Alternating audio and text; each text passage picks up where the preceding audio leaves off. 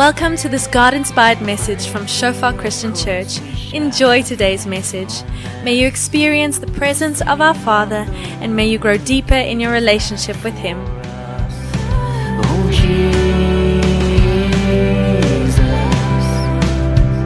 your love.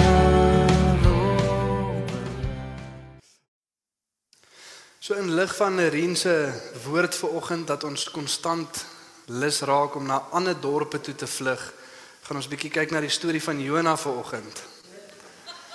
Ehm um, wat van pas is. Eh, Ek wou nie maar toe sy dit nou sê toe dog ek kom ons preek net my oor. Maar ons titel vir vanoggend Jona maak klaar en gaan. Jona maak klaar en gaan.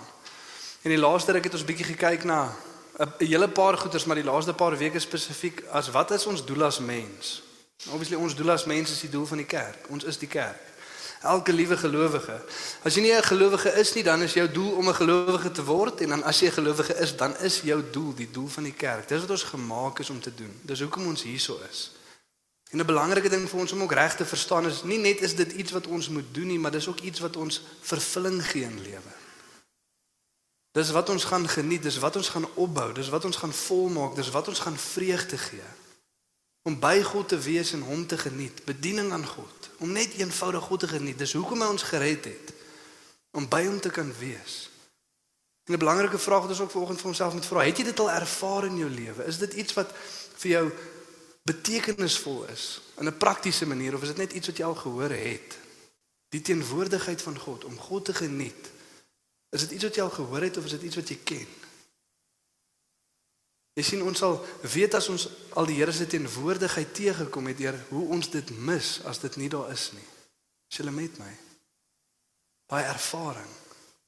Is dit iets wat jy al ervaar het om eenvoudig God te geniet soos wat God jou geniet? Dis hoekom hy ons gered het. Voordat ons vir hom goeders doen, voordat ons goed vir die wêreld gaan sê, voordat ons disippels maak, voordat ons kerke bou, voordat ons selgroepe uitplant, voordat ons enige iets doen. Geniet God dit om by ons te wees soos wat ons eenvoudig by hom is. 'n Vormingsproses. Toe Jesus die eerste disippels roep, dan sê hy en hy het hulle geroep om by hom te wees en sodat hulle kon uitstuur om te preek. Markus 3. Tweevoudig, sodat hulle by hom kon wees en sodat hulle kon uitstuur. En dis die by Jesus wees wat ons vorm en ons regmaak vir die uitstuur, karakter en bediening. Dit maak ons harte reg vir wat ons moet doen en dit gee vir ons die vaardigheid om te doen wat ons moet doen. Albei daai goed. Want ons raak meer soos Jesus hoe meer tyd ons om Jesus spandeer.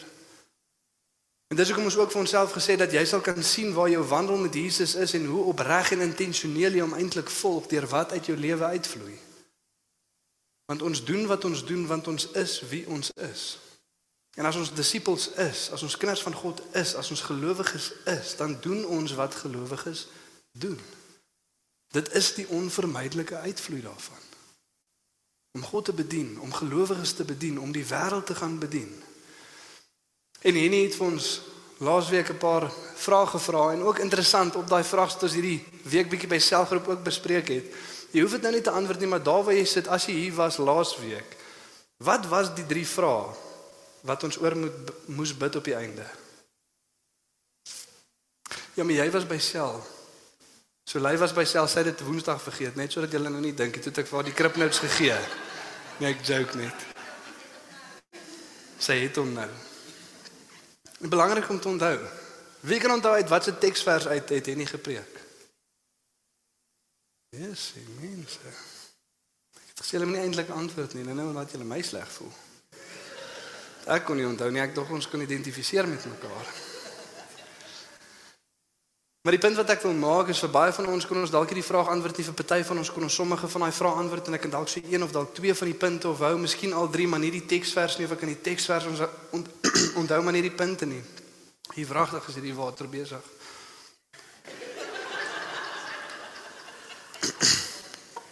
Ek joke net Iseli. Maar van die goed kan ons nie onthou nie. En 'n interessante ding vir my was dat as jy inligting hoor net eenvoudig om dit te hoor en dit te ken, dit is die einddoel. Ek wil hierdie goed hoor en ek wil kyk hoe lank kan ek dit onthou. Of ek kom net kerk toe want ek is gewoond daaraan en hier het ek nou iets gehoor, iets ontvang. Hoeveel van die inligting wat jy ontvang wat jy nie intentioneel gaan toepas of met ander deel nie, dink jy onthou jy? Die algemene mens tussen 6 en 10%. Dis nogal min. Maar dit maak ook sin as mens daaraan dink. Dit is hoe min ons onthou. Die oomblik wat ons dit begin aktief toepas in ons lewe, dan kom daar nog 40% by. So dan kan ons so 50% van dit onthou. Dit wat ons intentioneel begin toepas in ons lewens. Die ander 50% kom as ons dit met ander mense deel en saam met hulle dit toepas in ons lewens. En weer eens in lig van Christendom en wat God ons roep om te doen, maak dit sin. Want dit is wat God ons roep om te doen. sien in ons moderne wêreld dink ons baie keer wat ons weet is wie ons is. Jy weet ek is so goed soos die goed wat ek weet. Maar ons weet dit is nie waar nie. Dit hang af hoeveel van dit jy toepas sien in Christendom as daar 'n ou is wat 1000 verse ken, maar nie een toepas nie, is die ou wat meer volwasse is in sy Christendom, die ou wat een vers ken en daai een vers toepas. Dit kom by die toepassing van die waarheid wat ons ken. En om dit met die mense om ons te deel. En so ek wil bietjie vandag aanhou praat oor hierdie doelbewuste en intentionele uitreik na die wêreld om ons, soos waarvan Henny gepraat het. Ons is geroep om na die mense om ons toe uit te reik. En partykeer kyk ons snaaks na die wêreld om ons en ons verwag sekere goed van die mense om ons. Maar die kern is hulle is nie gered nie. Hulle ken nie God nie. Ons verwag partykeer van ongelowiges om soos gelowiges op te tree. En die probleem kom wel in in ons tradisionele Christendom. Meeste van ons is tradisionele Christene groot geword net as dit was halfe Christen gebore. En dis nie wat die woord sê nie. Niemand word Christene gebore nie. So daar is baie verwarring en ons baie mense wat sê hulle is Christene wat nie werklik Christene is nie. En as gevolg van dit kom daar verwarring. Maar baie keer verwag ons van mense om op te tree op 'n spesifieke manier, maar hulle kan nie sien nie, soos wat hy nie gesê die God van hierdie wêreld het hulle gedagtes verblind sodat hulle die lig van die evangelie, die heerlikheid van Christus nie kan sien nie. En ons is geroep om hy lig te wees. En ons is geroep om aan hulle te gaan verkondig wat Jesus Christus en ons is hulle dienaars. En so het gevra daai eerste vraag, hoe ervaar jy jou bediening? En as ek die vraag kan omdraai vandag en vir ons kan vra, hoe dink jy ervaar die mense om jou jou bediening? Spesifiek ongelowiges, die mense met wie jy in die werk te doen het, wat jy in die werksplek raakloop en in die wêreld daar buite, hoe ervaar hulle jou? In spesiaal in lig van ons as Christene wat geken moet wees vir liefde. Jesus sê dit, hulle sal julle erken deur die liefde wat julle vir mekaar het. Dink jy die mense om jou, die mense by jou werk, ken jou as hierdie persoon van liefde? Hierdie persoon wat omgee. Veral as hulle verlore gaan gaan. En partykeer mag dit hulle dalk irriteer. Kyk, Jesus maak dit duidelik dat ons gaan nie die gunsteling mense in hierdie wêreld wees nie. Mense gaan nie baie van ons hou nie. Hulle gaan nie baie hou van wat ons sê nie, want dit is 'n baie konfronterende ding. Die evangelie is konfrontensioneel. Dit dit dit konfronteer ons daar waar ons is en sê ons moet goeders neerlê en anders lewe. So dit gaan ons konfronteer en party mense gaan nie noodwendig hou van wat ons sê nie, maar ten minste moet die afleiding wees dat wat hy vir my sê is omdat hy regtig omgee oor my eindbestemming. En ek hou nie noodwendig altyd daarvan nie, maar ek weet hierdie persoon doen dit want hulle gee om. Is dit hoe die mense om jou ervaar? Of is dit daai tipiese kerksiening van hierdie hoogmoedige mense? Hierdie trotse mense wat altyd neerkyk op ander en dink hulle is beter as. En dit gebeur. Want ons tree baie keer in 'n ander manier op en ons verwag van ander mense om ook so op te tree, maar die feit van die saak is God het ons kom red en hulle kort nog redding. En dis hoekom dit nie gebeur nie. Maar hoe ervaar die mense om jou jou bediening?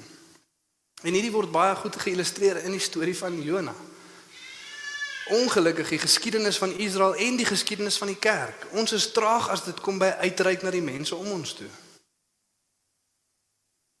Die primêre doel as dit kom by hierdie wêreldbereik wat die kerk het, is nie altyd iets wat uitstaan van die kerk nie. Is nie altyd iets wat uitstaan van Christene nie. Inteendeel is iets wat ons baie keer mee sukkel en net nie reg kry nie. Ons kom net nie daarby uit nie. Reg hierdie geskiedenis van Israel en reg hierdie geskiedenis van die kerk. En dit word uitgebeeld in hierdie storie van Jona. Dit is 'n baie interessante storie vir ons, hierdie klein profeet. Nie dat hy spesifiek klein was nie, maar die minor prophets is die boeke. Obadja, Jona, Habakuk, daai boeke. En dis 'n historiese gebeurtenis. Jona was 'n regte profeet wat regtig geleef het in die tyd van koning Jerobeam die 2de. En hy het geprofeseer vir hulle en hierdie is 'n stuk geskiedenis wat besig is om af te speel, maar is ook 'n baie simboliese stuk geskiedenis wat besig is om af te speel wat onderstel is om die luisteraar of die persoon wat lees te laat reflekteer en die vrae beantwoord. Sien een van die interessante goeters van die boek van Jona is dit eindig met 'n vraag sonder 'n antwoord. Ook 'n 'n vraag wat homself beantwoord, maar die rede vir dit is sodat ons as die mense wat dit lees en terugkyk daarna daai vraag vir onsself kan antwoord. Dit is geskryf vir elkeen van ons. Almal wat God volg, omdat dit so gereeld met ons gebeur dat ons ook op hierdie plek is. En ons 'n paar vrae in hierdie boek wat die Here van ons verwag om te antwoord as kerk. So kom ons lees lekker deur dat ons gaan net fokus op die eerste hoofstuk vandag en kyk wat ons hieruit kan leer. Jona 1 van vers 1 tot 17. Die woord van die Here het tot Jona seun van Amittai gekom. Maak klaar. Gaan na die groot stad Ninive toe en spreek hom aan, want ek weet hoe sleg hy is. Maar Jona het klaar gemaak om na Tarsus toe te vlug, weg van die Here af.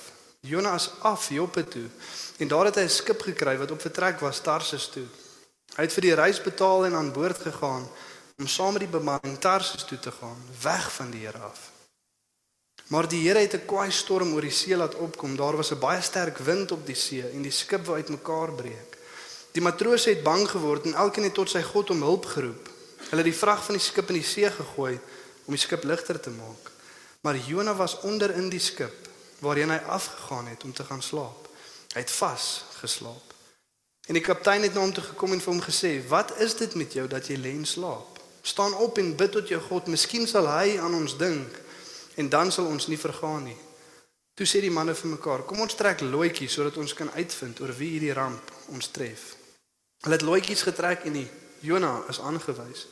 Toe vra hulle hom: "Vertel ons tog waarom hierdie ramp ons tref. Wat werk jy? Waarvandaan kom jy? Uit watter land?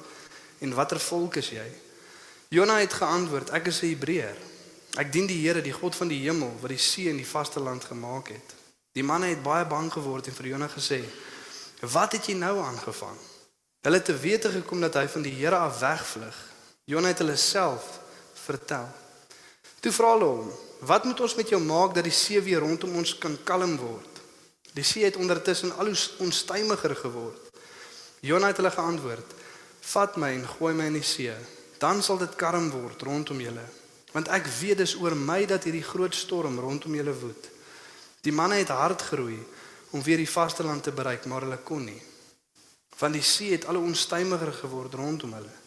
Toe bid hulle tot die Here en sê: "Ag Here, moet ons tog nie laat vergaan oor hierdie man nie. Moenie dat ons iemand onskuldig doodmaak nie. U is die Here, u doen wat u wil." Hulle vat toe vir Jona en gooi hom in die see en die storm op die see het toe bedaar. Die manne het toe baie bang geword vir die Here en hulle het vir hom 'n offer gebring en gelofte afgelê. Toe stuur die Here 'n groot vis om Jona in te sluk en hy was 3 dae en nagte in die vis se maag. So belangrik vir ons om te onthou dat ons deur hierdie storie lees, geskiedkundige storie van iets wat werklik afgespeel en gebeur het. Jy weet baie keer sê die mense neer is amper soos half 'n iets wat Jesus vertel het. 'n gelykenis of die storie van die goeie Samaritaan, maar Jona het regtig gelewe geskiedkundige mens en hierdie goeters het regtig gebeur. En as jy dink dit kon nie regtig gebeur het nie, dan is dit omdat jy die term God nie lekker reg verstaan nie. Met baie mense sê dis onmoontlik vir God om dit te doen. Ons sê ek soos my jou probleem lê daar by daai definisie van God. En ewen die seilers het dit verstaan. Hy maak soos hy wil want hy is God. Maar waar dit begin is hierso in vers 1 tot 3. Die woord van die Here het tot Jonas seun van Amittai gekom. Maak klaar belangrik daai woordjie maak klaar. In die Engels is dit arise of in die Hebreëus arise maak jouself reg staan op eh, maak jouself gereed. En dan is dit daai hele tyd hierdie kontras in die storie van Jona hierdie woordjie arise maak klaar staan op kom 6 keer voor deur die boek waar Jona geroep is om op te staan klaar te maak. Maar die kontras van dit al hoe meer Jona ongehoorsaam is gaan hy die hele tyd af soos wat mense die boek lees. Hy gaan af Joppe toe. Hy klim af in 'n skip en hy gaan af onder in die skip en eventually word hy in die see gegooi en hy sak af onder in die skip in. Hierdie kontras wat getrek word. Maar ek hou ook van die woordjie maak klaar want dit sê dat daar's iets wat moet gebeur, 'n voorbereiding wat moet gebeur vir dit wat God ons roep om te doen. Maar maak klaar, gaan na die groot stad Ninive toe en spreek hom aan, want ek weet hoe sleg hy is of sy boosheid het voor my aangesig opgekom. Maar Jona het klaar gemaak om na Tarsus toe te vlug, weg van die Here af. Jona is af Joppe toe en daar het hy 'n skip gekry wat op vertrek was Tarsus toe. Hy het vir die reis betaal en aan boord gegaan om saam met die bemanning Tarsus toe te gaan, weg van die Here af. 'n Belangrike ding en die eerste koneksie wat ons moet maak met onsself. Jy sien gewoonlik soos ons deur stories lees, geskiedkundige stories of stories in die skrif, is dit ons geneigtheid om onsself te identifiseer met die mense wat die beste doen. Ons hou nie daarvan om aan onsself te dink as daai bose mense nie of daai slegte mense nie. Maar as ons skrik reg interpreteer, dan is ons meeste keer ongelukkig ook daai mense. Maar die goeie ding van vandag se stuk skrif is dat dit is nie iets of 'n roeping wat gekry word waarmee ons nie kan identifiseer nie. Jy sien in Hebreërs 1 dan lees ons in die laaste dae of in die verlede tyd het God met ons vaders deur die profete gepraat, maar in hierdie laaste dae het hy met ons deur sy seun gepraat. So elkeen van ons het dieselfde opdrag gekry deur die seun, Jesus Christus. En dit is gaan na die nasies toe en maak hulle my disippels. Doop hulle in die naam van Vader, Seun en Heilige Gees en leer hulle om alles te doen wat ek julle geleer het. Sien, so hier is nie 'n storie wat ons nie meer kan identifiseer nie. Dis ook nie 'n denkbeeldige ding wat ons hoef uit te dink nie, want dit is ook ons roeping. Die woord van God het ook na ons toe gekom en ons is ook veronderstel om dieselfde te doen. So ons hoef nie 'n denkbeeldige spieël op te trek nie. Ons kan net na die realiteit kyk en sien waar ons harte eintlik is. Want ons is ook geroep om te doen wat Jona gedoen het. Die woord van God het ook na ons toe gekom. En ons moet ook gaan om die nasies om ons te bereik. En met al twee daai boodskappe dat ons boosheid voor God opkom, maar daar is genade as ons bekeer. Die evangelie aan die nasies gaan verkondig. Nou daar's twee elemente waarvan ons hierso moet bewus wees, veral as ons nou reflekteer op ons eie roeping, om te kyk of ons is waar Jona is of nie. Party gaan ons gaan identifiseer volgens met die matrose op die skip. Ons is net toevallig vanoggend hierso. Ons weet nie of daar 'n God is wat kan red nie. Party van ons mag meer identifiseer met Jona waarmee hy besig is. En party van ons is dalk aktief besig om die werk te doen wat God ons geroep het om te doen. Maar elkeen van ons kan iets leer uit hierdie storie vanoggend uit. En wanneer dit kom by die roeping en enige iets wat God ons roep om te doen, is daar altyd as jy 'n grafiek moet trek, twee lyne om na te kyk. Die eerste een is vermoë en die ander een is intentionaliteit. Jy kan ook sê eienaarskap of verantwoordelikheid. Jy kan daai woorde ook gebruik. So God het my geroep om iets te doen. Hoeveel eienaarskap het ek gevat oor dit wat God my roep om te doen? Hoe intentioneel is ek besig om te probeer doen wat God my roep om te doen? Daai is een van die lyne wat ons van moet bewus wees. Die ander een is vermoë. Het ek die vermoë? Is ek toegerus om te kan doen wat God my geroep het om te doen?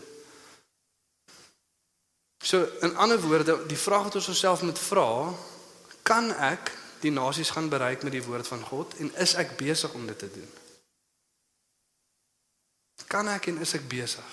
Of kan ek maar ek wil nie of wil ek maar ek kan nie? Iewers daar sal ons onsself bevind en kyk waar ons is vanoggend. So waar is jy vanoggend? Net so 'n minuut, dalk nie 'n minuut nie, maar dalk 'n paar sekondes gee om daaraan te dink. Kan jy en is jy besig? Kan jy maar jy wil nie? Wil jy maar jy kan nie? Waar is jy? Op daai grafiek. En seker die die maklikste plek om te wees vir ons om net te bekeer en ons harte terug te draai na God toe is as ons agterkom dat ons kan maar ons wil nie. En hoe gaan jy agterkom as jy nie wil nie? As jy nie doen nie. Dis letterlik so eenvoudig. Die rede hoekom ons sekere goeders nie doen nie is omdat ons nie eintlik regtig wil nie. As ons kan, is jy met my. As jy môre wil gaan draf en jy kan draf. Maar jy gaan draf nie môre nie. Dan wil jy nie eintlik regtig nie. Of ten minste nie op daai koel nie. So dis seker die mak maklikste plek om ons harte terug te draai. Here, ek kom agter ek kan, maar ek wil nie. Ek is nie intentioneel nie. Ek vat nie eienaarskap daarvan nie. So ek draai terug en ek ek kom na U toe. 'n Bietjie moeiliker een as ons sien ons wil, maar ons het nie die vermoë nie. Maar nog 'n ding wat ek vir ons vanoggend moet sê, as jy al lank wil en jy het nog steeds nie die vermoë nie, dan wil jy ook dalk nie regtig nie. Is hulle met my? As jy nou vir jare lank sit met hierdie begeerte om die evangelie te verkondig aan mense om jou in die woord van God met hulle te deel, maar jy kan nog steeds nie. Dan wil jy dalk nie regtig nie, want dan sou jy al gegroei het in daai tyd en jouself toegerus het om dit te kan doen. Belangrik, veral vir ons as Christene wat sê ons glo, ons glo in hierdie goed. As jy in iets glo, moet jy dit ten minste kan artikuleer. Anderste is al wat jy eintlik sê is ek wil in dit glo, maar ek kan ook nie regtig want ek weet nie eens wat dit is nie. Is julle met my? Ons moet dit kan verstaan. Ons moet dit kan artikuleer. So as jy op enige een van daai twee plekke bly, is jy besig met ongehoorsaamheid. En voordat ons half by die kern van hierdie eerste hoofstuk uitkom, is daar twee ander lesse wat God ons kom leer hierso. Als oor dieselfde ding. Ons ongehoorsaamheid gaan storms veroorsaak wat onnodig is in ons lewens. Dis die eerste subles wat God vir ons hierso wil kom leer. Ons ongehoorsaamheid gaan onnodige storms veroorsaak in ons lewens. En die rede hoekom ek sê onnodige storms is want klaar as ons Jesus volg, is daar ander storms wat gaan kom.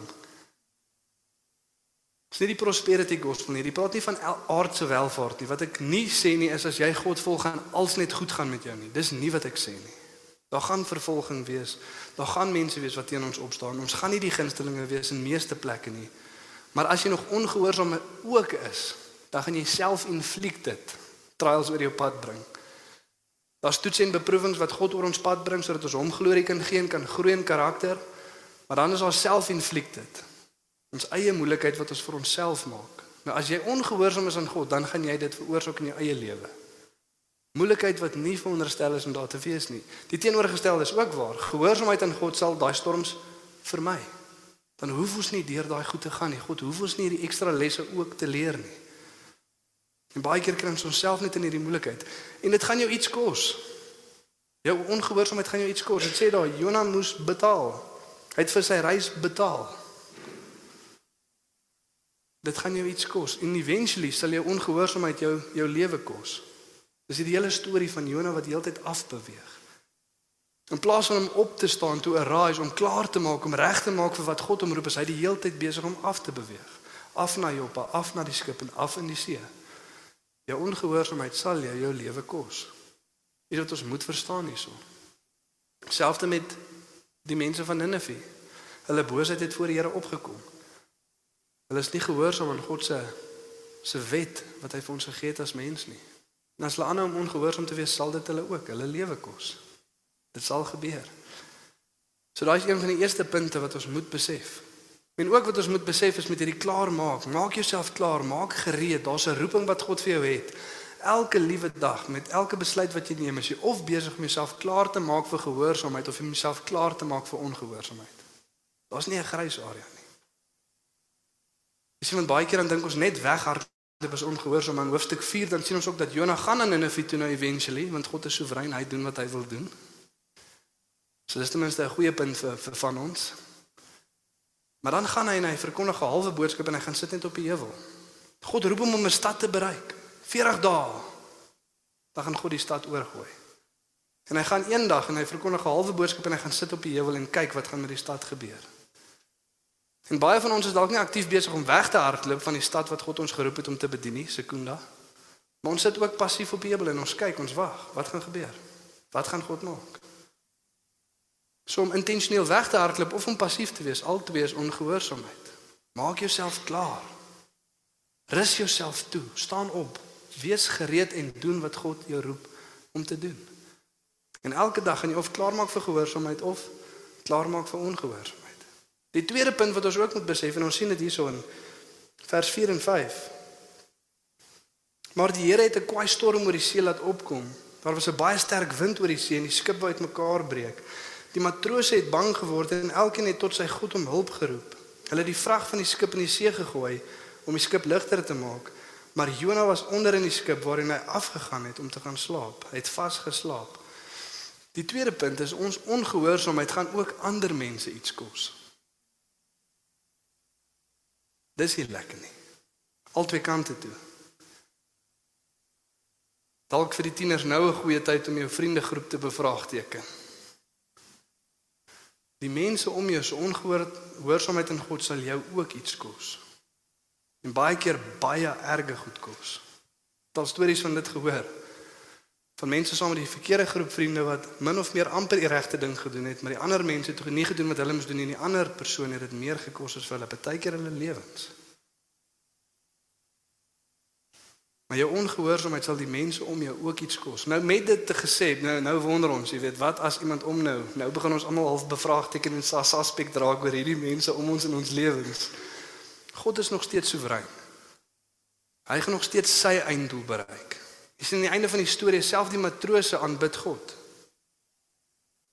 Jy sien die woorde skuif sodat ons deur hierdie stuk skrif lees van God roep uit na jou God en op die einde dan sê dit hulle aanbid die Here. Dis die verbondsnaam van God, die Hebreëse woord Yahweh. So daai matrose het op die einde van daai vrag Yahweh geaanbid. Dit het hulle wel iets gekos. Dit waarmee hulle hulle bestaan gemaak het. Hulle moes die vrag, dit wat hulle doen, hulle as matrose wat goed heen en weer wat verkoop en verkoop, hulle moes dit in die see gooi. Hulle het dit verloor. As gevolg van iemand anders se so ongehoorsaamheid. En die ironie van die storie is hoe hulle eintlik meer vir Jonah wou doen as wat Jonah vir hulle wou doen. Ongelowiges met 'n beter hart as iemand wat deur God geroep is om iets te gaan doen. Maar ons ongehoorsaamheid gaan ons iets kos. En ons ongehoorsaamheid sal die mense om ons ook iets kos.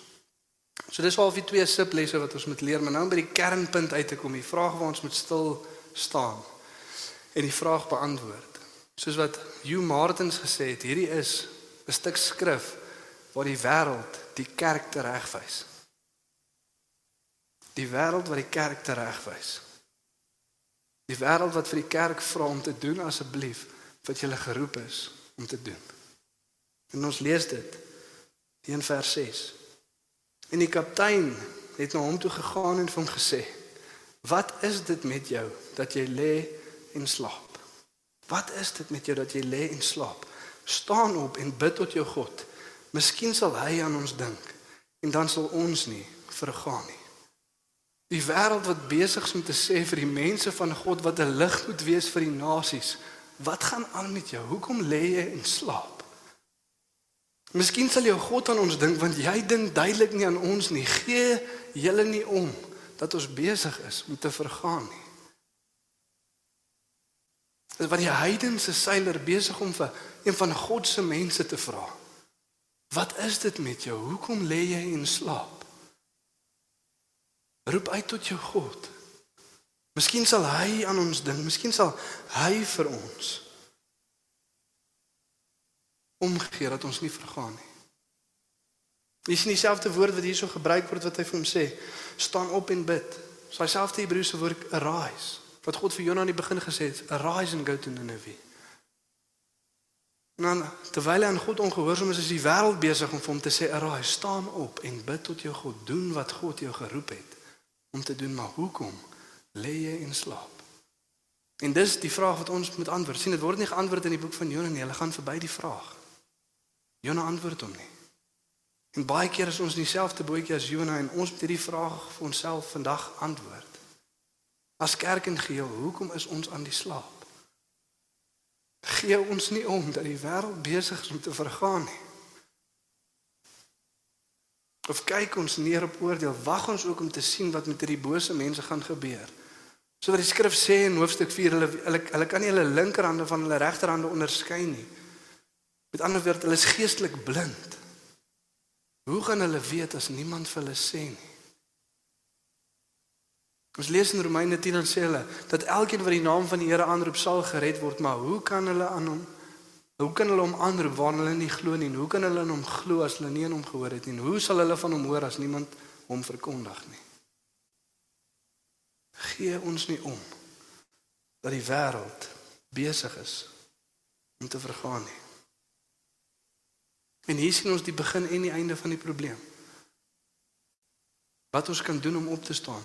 Bid tot jou God. Staan op en bid tot jou God. En dit bedui in twee maniere hierso. Eerstens as ons opstaan en ons bid tot ons God, dan beteken dit ons is in 'n intieme verhouding met God. So wat Henny laasweek gesê het, baie mense sukkel met evangelisme want dit is moeilik om van iemand te praat wat jy nie ken nie. Ek ken stories van Jesus. Ek het al goed van God gehoor, maar ek ken God nie persoonlik nie. En dit is moeilik om mense te gaan vertel van iemand wat ek self nie ken nie. En vanoggend moet ons self eerlik met onsself wees. Is dit dalk die geval? Ken jy Jesus of weet jy van hom? Want daar is 'n verskil. Het jy al die leiding, het jy al die verlossing van God in jou lewe gesien en ervaar? Die goedheid van God. Here, ek het U lief, o Heer. Is dit iets wat resoneer in ons? En ek verstaan dat daar's baie keer iets wat glad nie gebeur nie want ons val so maklik weg van God af. En ons sal hom nooit lief hê soos wat ons veronderstel is om hom lief te hê hierdie kant van ewigheid nie. Maar is dit iets wat 'n realiteit is in jou lewe? Het jy al stories van God gehoor of ken jy God? Johannes 17 vers 3 sê dit is die ewige lewe om U te ken en Jesus Christus wat U gestuur het. Dit is die ewige lewe om God te ken. Ken ons God. Jy sien wat die ironie van die storie is, as hulle agterkom dis Jonas se skuld en wat hulle moet doen is hulle moet net vir Jonas in die see gooi en as die storms bedaar, wat doen hulle? Hulle probeer eers hard roei om by die land uit te kom. Hulle wil sy lewe red. Hulle wil sy lewe spaar.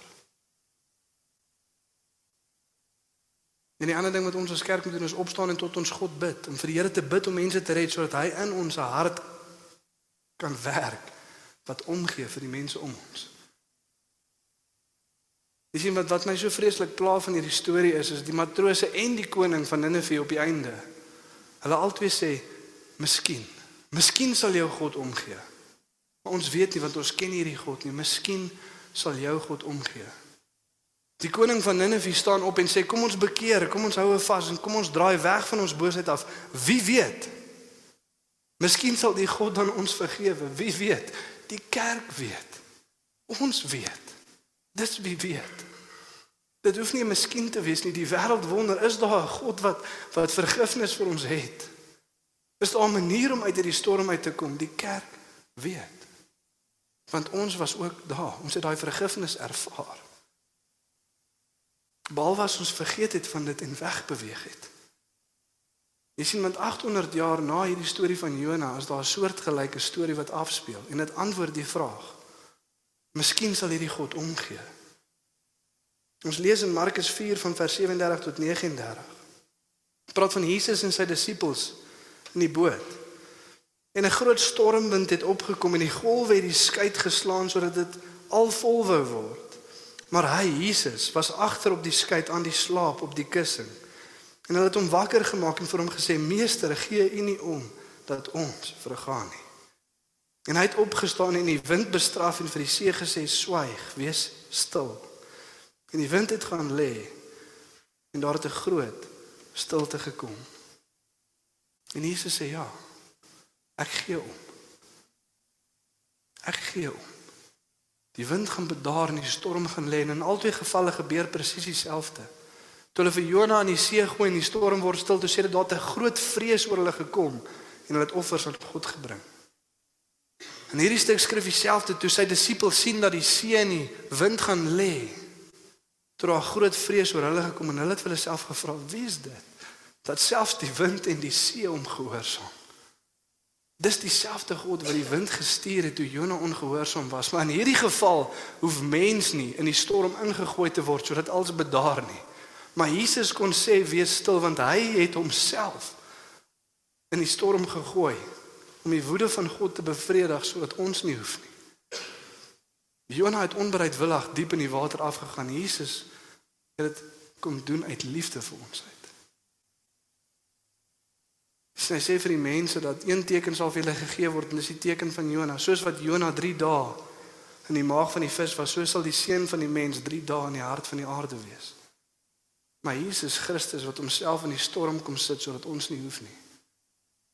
Dis 'n interessante ding van die storie van Jona dit dit is nie 'n algemene see storm gewees nie. Die matrose is gewoond om op see te wees, hulle verstaan 'n storm. Maar dadelik het hulle besef hier is 'n God wat kwaad is. Hierdie is woede van 'n heilige God wat bevredig moet word hierso.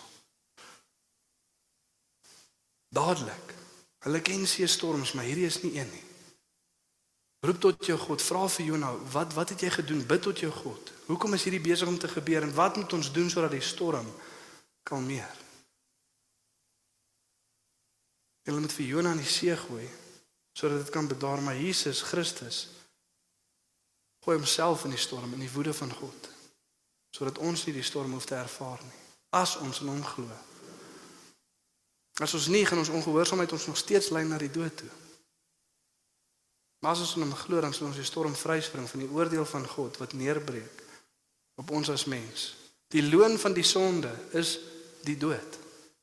Maar die genadegawe van God is die ewige lewe in Jesus Christus, ons Here. Sien dan sê Jesus presies dieselfde vir sy disippels in Matteus 9 36 en 38. En toe hy die skare sien, het hy hulle innig jammer gevoel vir hulle, omdat hulle moeg en uitgeput was, so skape wat geen herder het nie. Toe sê hy vir sy disippels: "Die oes is wel groot, maar die arbeiders min. Bid dan dat die Here van die oes dat hy arbeiders in sy oes mag uitstuur. Staan op en bid tot jou God. Staan op en bid tot jou God, want hy gee om of mense verlore gaan. Sien Jesus het nie na die wêreld gekyk en woede het nie in hom opgekom nie. Maar het hulle innig jammer gekry. Hulle was weerloos, hulle was moeg, hulle was uitgeput. So skape sonder 'n herder, waartoe moet hulle gaan? As ons hulle nie vertel dat daar 'n goeie herder gekom om sy lewe neer te lê vir die skape nie. Waartoe moet hulle gaan? Jy sien en Jesus het ook kwaad geraak. Maar vir wie het hy kwaad geraak? Die kerkleiers wat in hoogmoedigheid neergekyk het op ander. Dis vir wie die wraak en die toorn van God oorgehou was. Julle wat die buitekant skoon was, maar binnekant is dit vuil. Julle wat nie liefde en meegevoel het vir die mense om julle nie. En so ons moet elkeen van ons vanoggend daai vraag antwoord. Ons as kerk, as ons kyk na hoe ons die mense om ons bereik en die lig van die evangelie in hierdie wêreld om ons skyn. Eerstens, ken ons die God wat ons wil gaan verkondig of het ons stories van hom gehoor?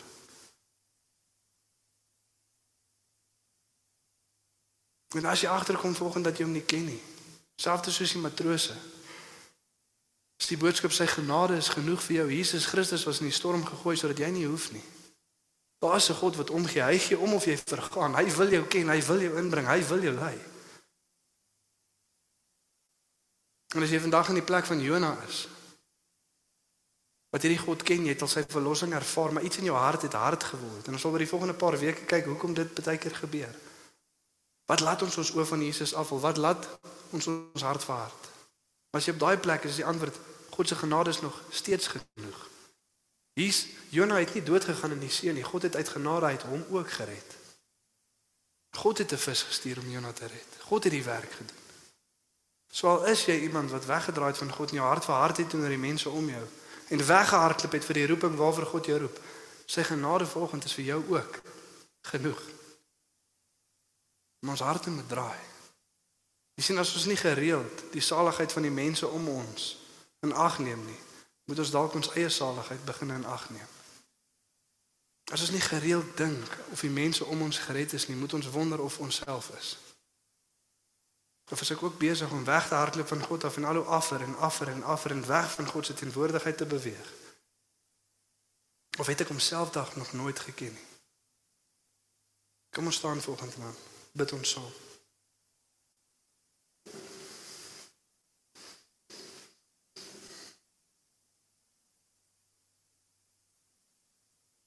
Ja, Vader, dankie dat ons as gemeente vanoggend voor U kan kom hier en onsself voor U kan kom neerlê. En ek kom bid Here dat elkeen van ons erns sal doen Here met die vraag: Hoekom lê ons en slaap? En vir elke liewe een van ons Here, maak nie saak hoe aktief ons besig is Here met dit wat U ons geroep het om te doen of, of hoe passief ons is in dit wat U ons geroep het om te doen Here, ons is een liggaam. Saamgeroep Vader om die hart van die kerk uit te beeld in die mense om ons. Maar as ons kyk na die kerk Here in geheel, is die vraag: Hoekom lê ons in slaap? Gee ons nie om dat die mense om ons besig is om te vergaan nie. En ja, baie keer in ons gebedslewe bid ons vir ongelowiges, maar net ongelowiges wat iets vir ons beteken. My man, my vrou, my kinders, familielid. Ek bid vir hulle redding want hulle beteken baie vir my, maar as dit kom by die breër wêreld daar buite, dan lê ons in slaap. Here ons bid Vader dat U iets in ons sal kom opwek Vader, maar mag ons elkeen vanoggend Here ten minste waar dit begin opstaan en bid tot ons God. Sê Here kom red. Ons weet oes is groot hier en die arbeiders min en ons vra Here stuur arbeiders in die veld in. En vir die van ons wat vanoggend hier staan en jy weet jy kan maar vir een of ander rede wil jy nie. Net of jy is lig jou stem op na God en sê Here ek draai terug. Kom herinner my aan my eie redding. Kom herinner my aan my eie blindheid, Here, hoe nodig ek die genade van U nodig het. Nie net die eerste dag toe ek tot bekering gekom het nie, maar vandag self. Dit was U genade nodig, Here. Jy vanoggend hier so is en jy sê daar is 'n begeerte maar jy weet nie hoe nie, jy het nie die vermoë nie. Net daar waar jy staan, lig op jou stem na God toe. Sê Here, lei my. Laat ek uitreik na die mense om my toe, maar laat ek 'n pad van disippelskap stap. Wat U my toerus, Here. Ek wil myself klaarmaak om te doen wat U my roep om te doen. Ek wil nie passief sit nie. Ek wil nie net kyk nie. Want U het nie net gekyk nie, Here. Toe die Vader vir Jesus stuur toe kom hy. Hy het nie in die ander rigting gevlug nie. Maar die woord het mens geword en by ons kom woon en ons het sy glorie aanskou. Soos die enigste seun van die Vader, vol genade en waarheid. Hy het gekom vir ons, Here. Hy het homself in die storm ingewerp vir ons, Here. Mag ons 'n meegevoel hê, Vader, wat ons iets kos. Ons sal berge verskuif vir die mense om ons, Here. Ons sal ook hard roei as ons moet. Ons gaan nie dit los vir die wêreld wat uitroep, hoekom lê julle en slaap nie? Maar ons draai na U toe. As jy vanoggend hier so is en jy dalk tot 'n besef gekom dat jou ongehoorsaamheid het 'n storm in jou lewe veroorsaak wat onnodig was. Net daar waar jy staan, lig op jou stem na die Here toe. Sê ek draai terug. Ek bly, Here.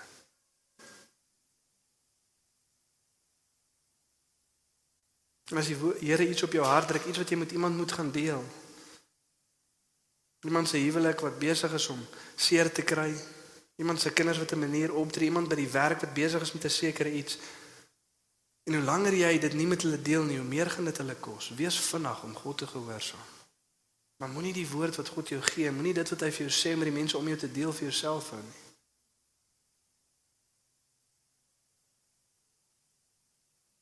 En ook nie vir selfbehoud nie. Dit gaan nie oor ons nie. Jesus het sy lewe vir ons gegee. Ons gee ons lewens terug. Maak soos U wil, Here. As jy vanoggend hier so is en jy voel soos die matroos, jy het nog nooit God geken nie. Inteendeel, jy weet nie of daar God is wat gaan vergewe nie. Jy weet nie of daar God is wat omgee of jy vergaan nie. Dit voel vir jou asof jy besig om te vergaan. Die woord vanoggend vir jou is daar is 'n God wat omgee. Hy gee om of jy vergaan. Lig jou stem op na hom toe. Sê Here kom red. Geef my openbaring Here van wie U is.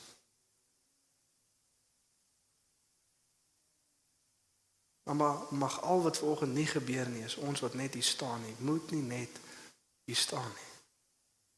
Kom ons beweeg ons lippe. Kom ons reik uit na God. Kom ons laat toe dat God ons gebruik om die wêreld om ons te bereik. Dankie Here vir u goeie. Dankie Jesus Christus vir u werk op die kruis. In Jesus naam. Amen.